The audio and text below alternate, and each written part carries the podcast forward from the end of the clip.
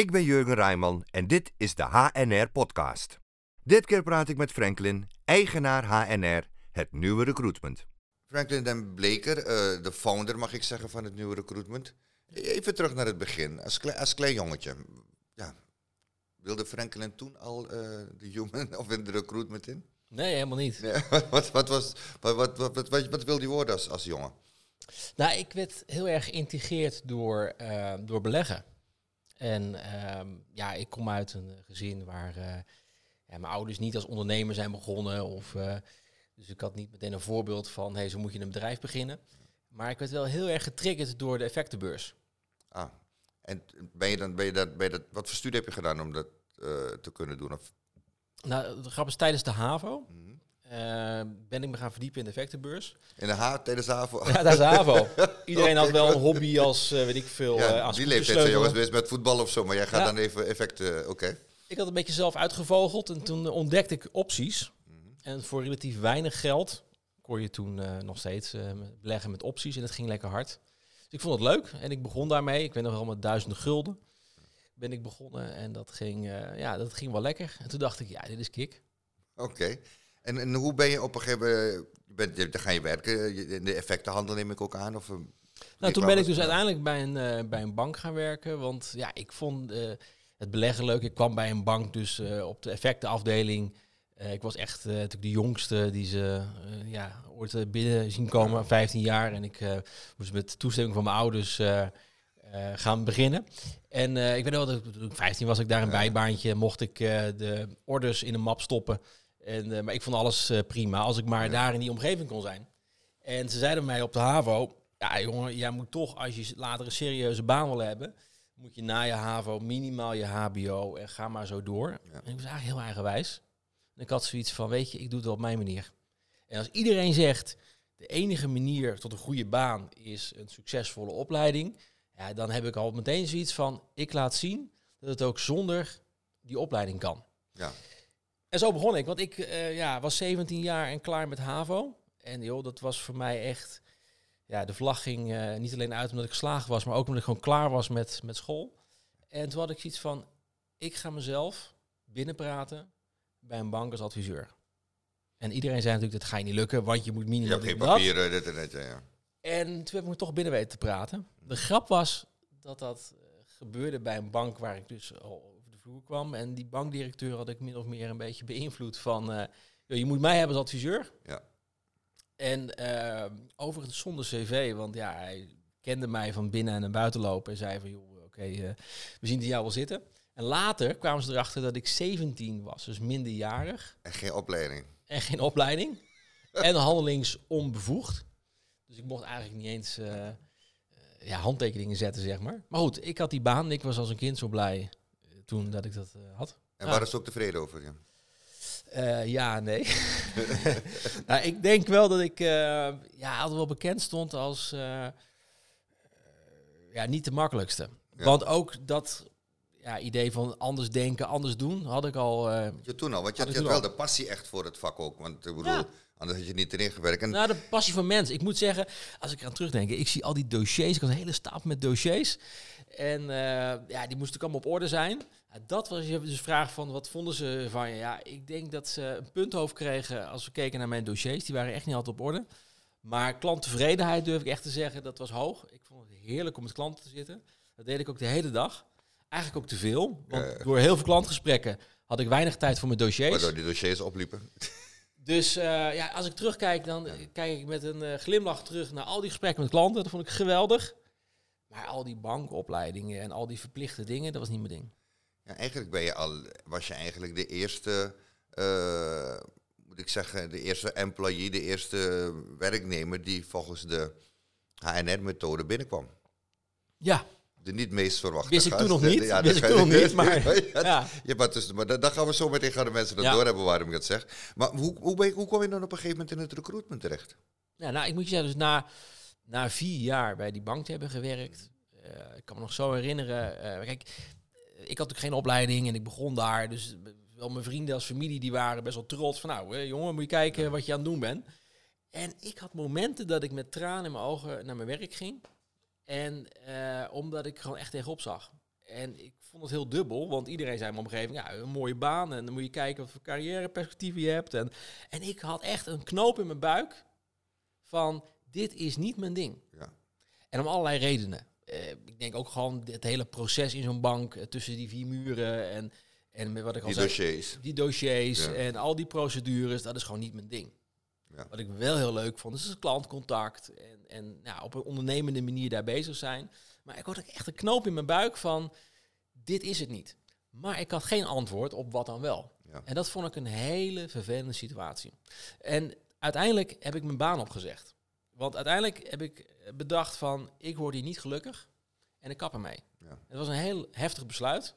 Dus ik ben gewoon gestopt. En het was een enorme opluchting. Maar en dan? Wat Ja. ga je doen? Want ik wist wel wat ik niet wilde.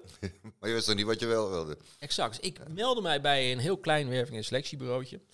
En eh, die zaten me aan te kijken van, nou oké, eh, ik wist heel goed te vertellen wat ik niet wilde.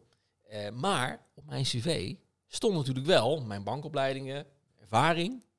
En ik had het idee dat ze niet aan het luisteren waren, ja, wat ik misschien wel zou willen in de toekomst. Ik was een beetje aan het brainstormen, maar ze waren zo gefocust op dat wat er op het cv stond. En ze kwamen heel snel met, ja, ik heb een idee. En daar kwamen allerlei ja, banen tevoorschijn in het bank- en verzekeringswezen. En ik Wat was je, wat je dus duidelijk niet wilde. dat ik niet wilde. En ik reageerde toen wel geïrriteerd. Van, ja, dat is niet wat ik wil. Dat, is niet, eh, dat wil ik juist niet. Ja. En later hè, begreep ik dat het natuurlijk wel makkelijk is. Want als je natuurlijk dat op cv ziet, dan kan je natuurlijk, we noemen dat horizontaal recruitment. Dan kan je zeggen, oh, je hebt zoveel jaar daar gewerkt. En ik praten echt over begin jaren 2000. En toen was het bankwezen nog echt in volle opmars. En er waren heel veel banen in. Dus het was ook heel makkelijk om die horizontale overstap te maken. ja. Ik kon direct de vacature invullen bij van spreken. Maar toch zei ik nee. En ik bleef volhouden. En ik begon een beetje te brainstormen van ja, misschien eh, een baan als accountmanager ergens. En ik, ja, ik zag tegen een gezicht aan te kijken van ja, maar dat, eh, hoe je dat gaan doen? Hè? Dus ik, ik merkte van nee, ik, ik, ik zie geen positieve instemming. En toen kreeg ik een idee. En toen zei ik, wacht, ik heb een idee. Ik kom bij jullie werken. En dan eh, ja, word ik consultant. En dan plaats ik mezelf wel ergens. Nou, en er werd ook niet enthousiast op gereageerd. Joh, Nee. En, eh, nou ja, en ik ben dan wel van het afpellen van oké, wat, wat is het verhaal? En al snel kwam ik tot de conclusie dat toen, eh, de, eigenaar van dat re- recruitmentbureau vond natuurlijk het risico te groot. Hè? Iemand aannemen, geen ervaring in werving en selectie of eh, HR. eh, ja, misschien wel met een leuke babbel en ervaring in het bankwezen. Maar ja, dan is het een risico. Want als hij mij een contract geeft en ik presteer niet, ja, dan, dan kost dat geld. ja. Hè, dat, dat, dat begreep ik ook. Dus ik, ik had een oplossing. Het is ook geen tijd dat mensen nog uit, out of the box durfden te Nee. denken. Nee. Ja, wel en misschien is het ook wel dat ik niet zo goed tegen nee kan. Of dat ik eh, niet zo goed kan tegen de hokjes en de procedures, wat ik ook op de haven had. Hè. Dus mijn reactie erop was, ehm, ik begrijp het en ik begrijp je risico en ik heb een idee. Ik kom gewoon volgende maandag hier werken. En voordat hij kon zeggen nee, want hè, dat had hij al gezegd dat hij mij niet zag zitten erin. Ik kom gewoon gratis werken. Eh, je hoeft me geen contract te geven en eh, ik, op mijn risico. En op het moment dat jij vindt dat ik van waarde ben, ga jij me een bedrag betalen waarvan jij denkt dat het in verhouding staat. Ja, toen kon hij geen nee meer zeggen. Ja, er kwam nog een laatste nee. En dat was, ja, ik heb eigenlijk helemaal geen werkplek beschikbaar. En toen heb ik gezegd, daar heb ik ook een oplossing voor.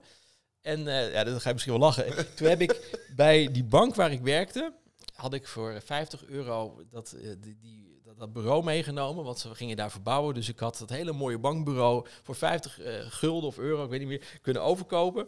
En ik kwam dus met een aanhangwagen met mijn eigen bureau aan bij dat bedrijf. Eh, omdat dat de laatste zet was van, ja, we, hebben- we, hebben eigenlijk niet eens plek. We hebben niet eens werkplek. Dus ik kwam eh, letterlijk en figuurlijk met mijn eigen bureau aan.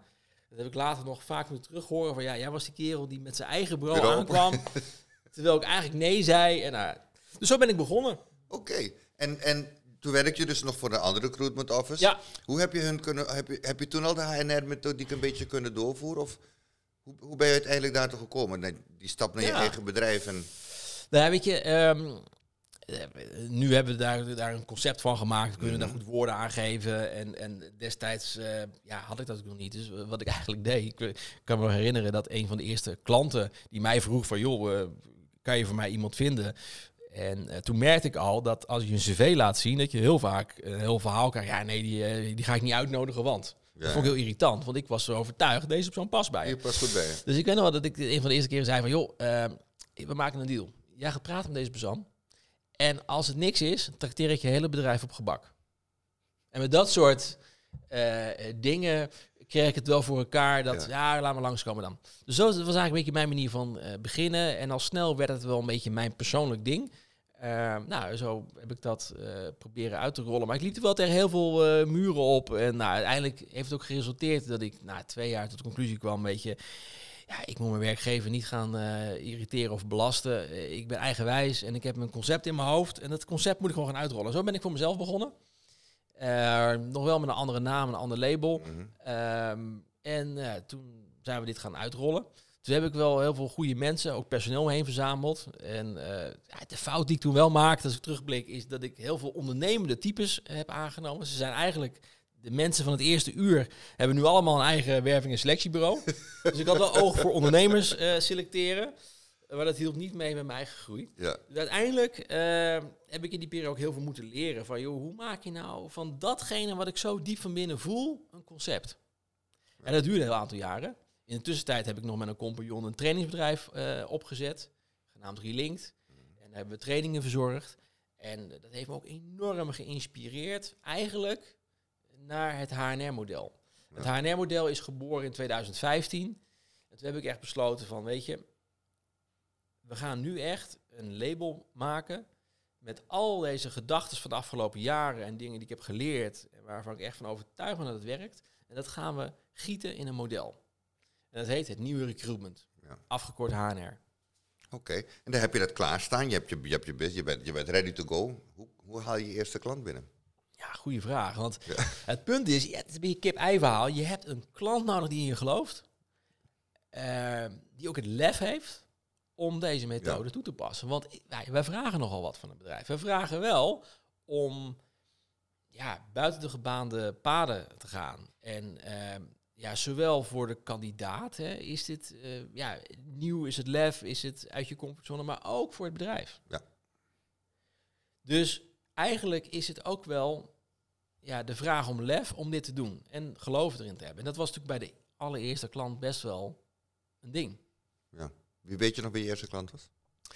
Nou, vanuit HNR-concept was dat uh, een de, de, de, havenbedrijf Amsterdam en Rotterdam, met name hun ICT-afdeling. Portbase, die, uh, die het lef had om het op deze manier te doen. Ja. Dus heb je eerste sessie voor hun gedaan? Ja. Uh, hoe reageerden zij erop en hoe reageerden de kandidaten erop? Want het is voor allebei natuurlijk. Ja. ja ik bedoel, ik heb het mogen meemaken, een van die sessies. En ik kan me voorstellen dat als je voor het eerst zo'n sollicitatie komt, of als bedrijf het meemaakt, dat je even denkt van waar ben ik in beland? Ja, ik zie heel duidelijk voor me hoe dat, uh, hoe dat daar ging. Dat we hadden daar ja, een stuk of twintig moeilijk invulbare functies, ook op het gebied van ICT. En ik moet eerlijk zeggen dat wij daar ook toen niet heel veel ervaring in hadden in uh, developers. En, uh, dus het was ook voor ons wel even uh, een nieuw terrein. En we hadden daar echt twintig lastig invulbare functies. En toen hadden we gezegd, wij gaan de HNR-methode neerzetten. En wij ja, combineren die functies en we nodigen geschikte kandidaten uit op één dag, allemaal tegelijk.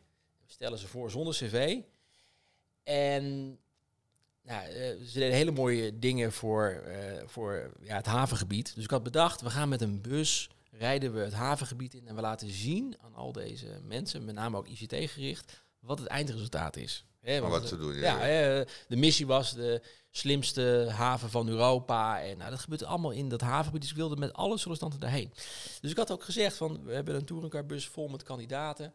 En ik denk dat ze dat niet letterlijk zo hadden bedacht. Dus toen daar die bus aankwam, toen werd de directie toch nerveus en die liep door de gang heen van, wat, we hebben vandaag een wervingsdag gepland staan. Maar ik zie buiten een bus en ik zie heel veel mensen aankomen lopen. En toen kwamen ze op me afgelopen van, wat is er aan de hand? Wat gaat er gebeuren? Nou ja, dat heb ik verteld. Ja, maar was je dan serieus? Bedoelde je letterlijk dit? Ja, en toen was wel even een spannend moment van, van wauw, weet je, wat, wat gaat er die dag gebeuren? En ik vond het een hele spannende dag.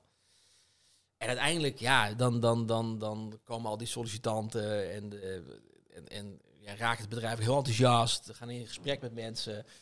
En natuurlijk, eh, daarna komen ook mooie resultaten eruit. We hebben daar denk ik een stuk of tien functies weten in te vullen die al langer open stonden. Ja, dan voel je de euforie. En dan voel je het gevoel, ja, yes, het werkt. Het werkt, ja, precies. Nou, nou als je, als je de, voor de mensen die naar ons kijken of luisteren... en helemaal geen idee hebben van hoe, wat die HNN-methode is nog... Ehm, hoe, zou je dat, hoe zou je dat willen omschrijven? Aan de kant dus zeg maar van, uh, laten we gewoon beginnen. Er wordt gebeld naar, uh, naar het kantoor hier. Jongens, we hebben een vacature. Ja. Wat gebeurt er dan? Nou, wat we in eerste instantie, wij, wij geloven in een, het creëren van een uh, werkgroep. En die niet alleen bestaat uit de directeur en de HR, maar het liefst ook een, een, een collega of iemand ja, die gewoon op de werkvloer werkt. Dus we proberen een groep samen te stellen met diverse mensen. Die, Dwarsdoorsnee van het bedrijf. Ja, en die we dus vragen om mee te helpen met recruitment.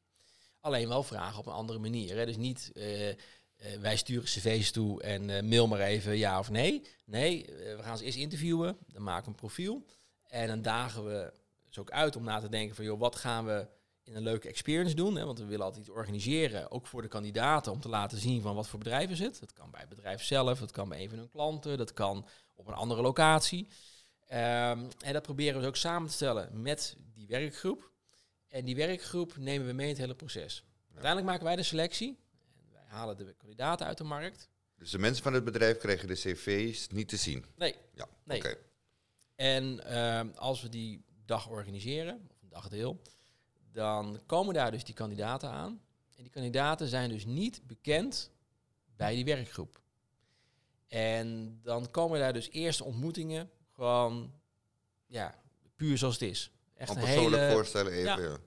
We hebben een aantal dingen die we daarin meestal doen. Hè. Dus we hebben sowieso een aftrap vanuit het bedrijf om te laten zien van dit zijn we als organisatie. En daarna is het ook aan de kandidaten om zich voor te stellen. En ze hebben ook de mogelijkheid om in speeddates uh, vragen te beantwoorden. maar allemaal niet op basis van wat je allemaal gedaan hebt, maar op basis van wie je bent en naar de toekomst toe wat je graag zou willen. Dat is ook een beetje het motto van HNR. Het motto is wie je bent, het belangrijkste wat je hebt gedaan. Ja, ja.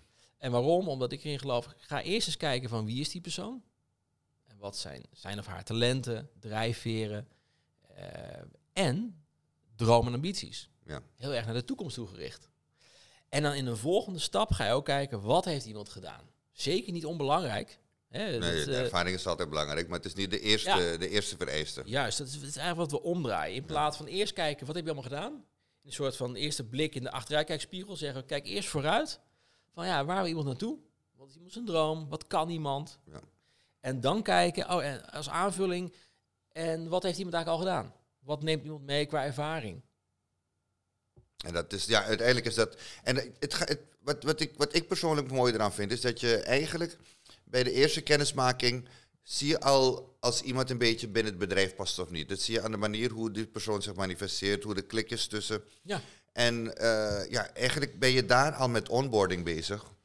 Voordat je, voordat je de hele sollicitatie hebt gehad eigenlijk. Of voordat je sollicitatie hebt afgerond, ben je al met onboarding bezig. Want je kent het bedrijf al, je dit bedrijf al. Uh, wat, wat ik ook bijzonder vind aan jullie weten, is dat jullie altijd, uh, of tenminste regelmatig, de unusual suspects eruit halen. En die ook koppelen aan een bedrijf. Het bedrijf zegt, nou, dit is de cv, dit is mijn gedroomd de kandidaat. Ik wil die snelle jongen die net van de universiteit komt. En in Bleestal wordt het niet die snelle jongen, maar iemand helemaal anders die ze nooit hadden gedacht, die ze ineens hadden uitgenodigd voor de cv. Kan je met twee of drie van die voorbeelden noemen waarvan je zegt van ja, dat is echt typisch een voorbeeld van waar men dacht van nee, dat, dat, dat wordt het niet. Hoeft geen naam en toenaam van de bedrijven, maar hoe zo'n proces is gegaan. Maar dat, vind ik wel heel interessant. Nou, je, je, je, raakt wel goed punten aan, want het begint eigenlijk met, ik noem het paradigma's. Hè. Heel veel mensen hebben natuurlijk een bepaald paradigma van, nou, mijn ideale kandidaat is dit. Ja.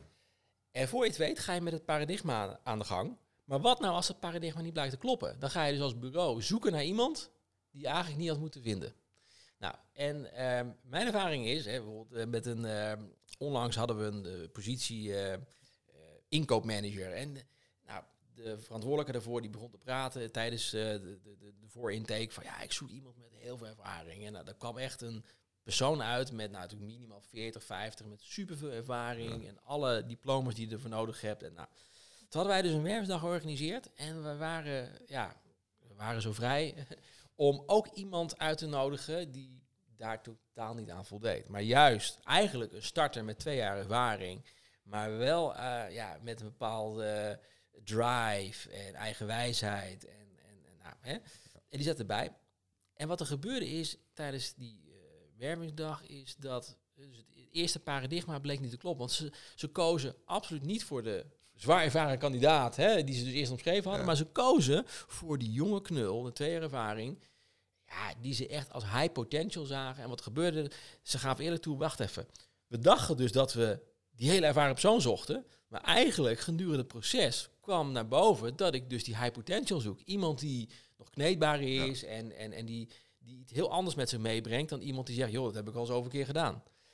En dat is dus heel mooi, dat je dus daarachter komt tijdens zo'n experience. Juist. En wat ik dus zie, is dus die paradigma's niet altijd blijken te kloppen.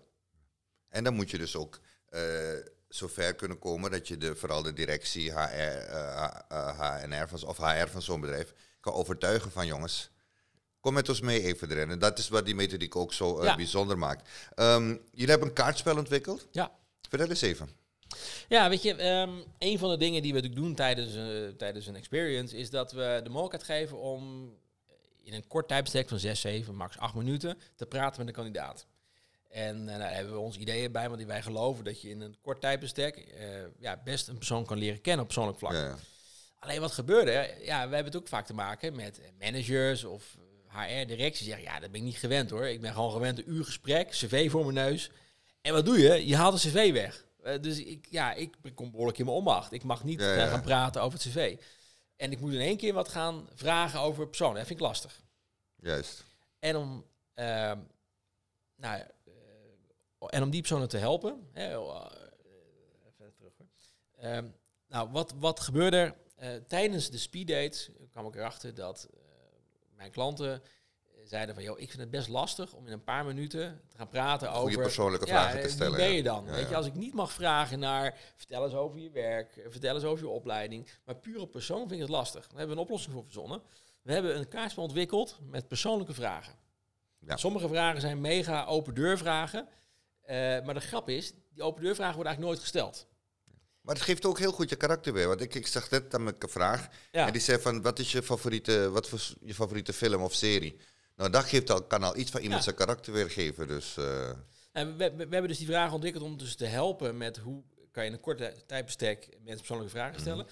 En mijn ervaring is, als je dit gewoon gaat doen, als je die vraag gaat gebruiken, dan krijg je een heel ander gesprek dan dat je normaal gesproken zou hebben. Is ook het meest gehoorde wat ik terugkrijg van mijn klanten. Van joh, ik pak het kaartspel en ik had in het begin zoiets van, nee, dat meent toch niet. Ik ga toch niet deze vragen stellen.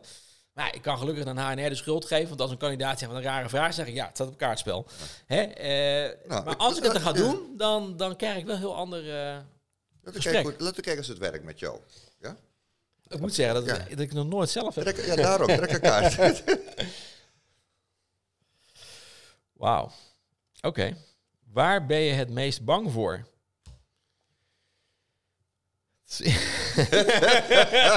ik voel nu wat mensen dus voelen als ze zo'n vraag voor de neus krijgen. Oké.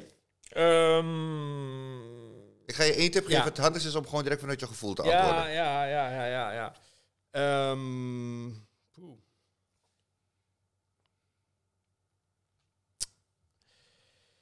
Waar ben je het meest bang voor? Ben niet zo bang eigenlijk. Misschien is dat mijn probleem. Dat is je probleem. nou, nee, ik zit erover na te denken dat, dat uh, ja, misschien mis ik wel die sensor van uh, ergens van bang angst. voor zijn. Ik krijg heel vaak te horen dat uh, ja, je hebt wel echt een beetje een plaat voor je hoofd dan. Dat je dat dan, ja, dat je, dat je daarna niet bang voor bent. Ja, ja ik denk dat dat een beetje wel het punt is. Ja, ik, kijk, ik ben, bijvoorbeeld, ik ben bijvoorbeeld bang dat er iets met mijn gezin zou gebeuren. Of het, ja. Weet je, dat is mijn angst. Nou, ik heb dat met sport wel. Dat, uh, mijn vriendin die, uh, die, die houdt van skiën en die gaat uh, keihard. En ik, ja, ik blijf liever op het terrasje zitten. En ik ben dan toch wel bang om wat te breken of te vallen. En ik heb een keer een proefles gehad en toen ben ik zo hard gevallen. dat ik denk, ja, dit ga ik gewoon niet meer doen.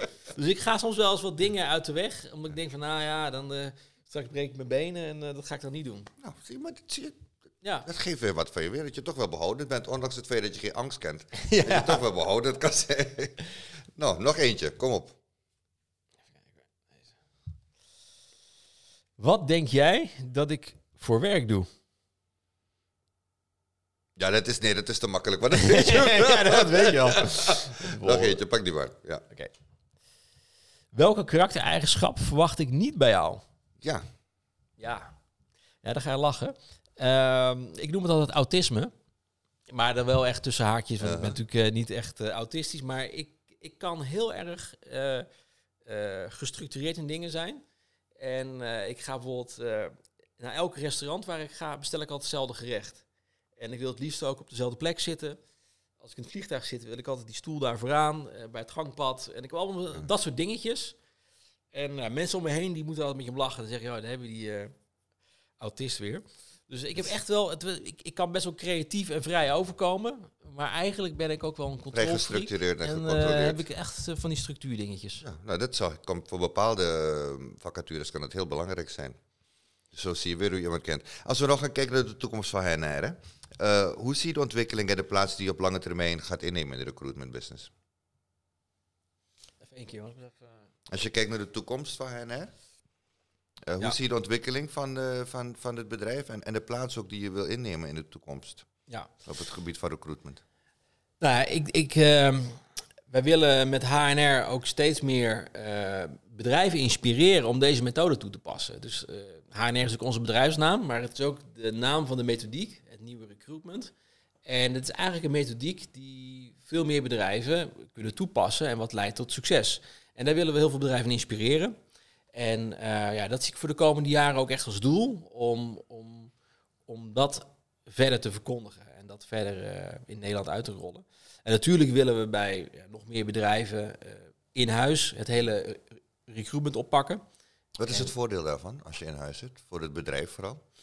Nou, dan kunnen wij dus zeg maar, in het bedrijf zelf eh, de rol vervullen van een standaard recruiter. Hè. Dus, eh, een organisatie kan kiezen om zelf een recruiter aan te nemen als ze meerdere vacatures op jaarbasis hebben en een eigen team te bouwen. Of ze kunnen ook eh, ervoor kiezen om het uit te besteden. En dan komen wij met een van onze consultants voor een aantal dagdelen in huis.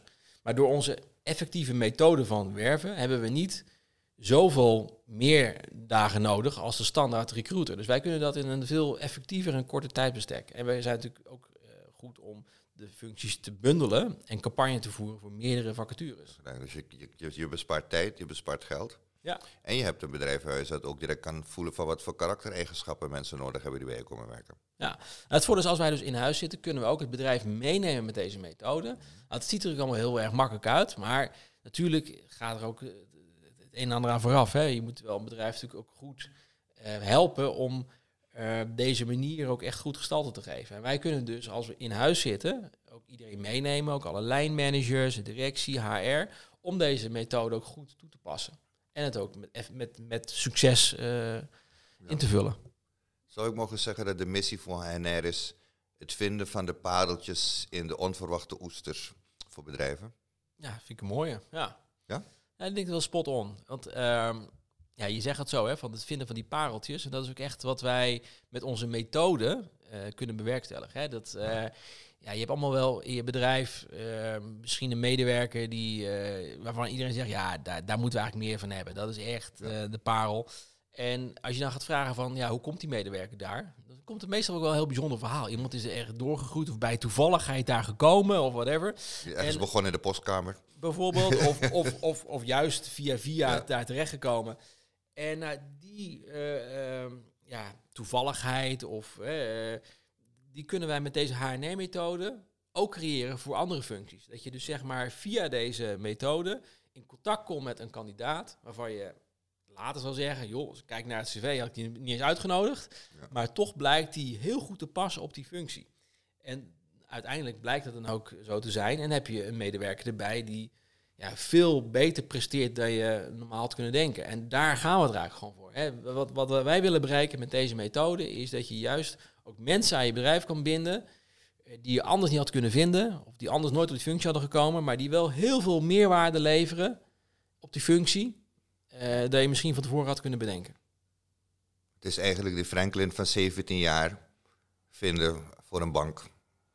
Ja, Die ze nooit hadden aangenomen, maar die wel toch zijn positie heeft genomen, zijn eigen bureau heeft meegenomen. ja.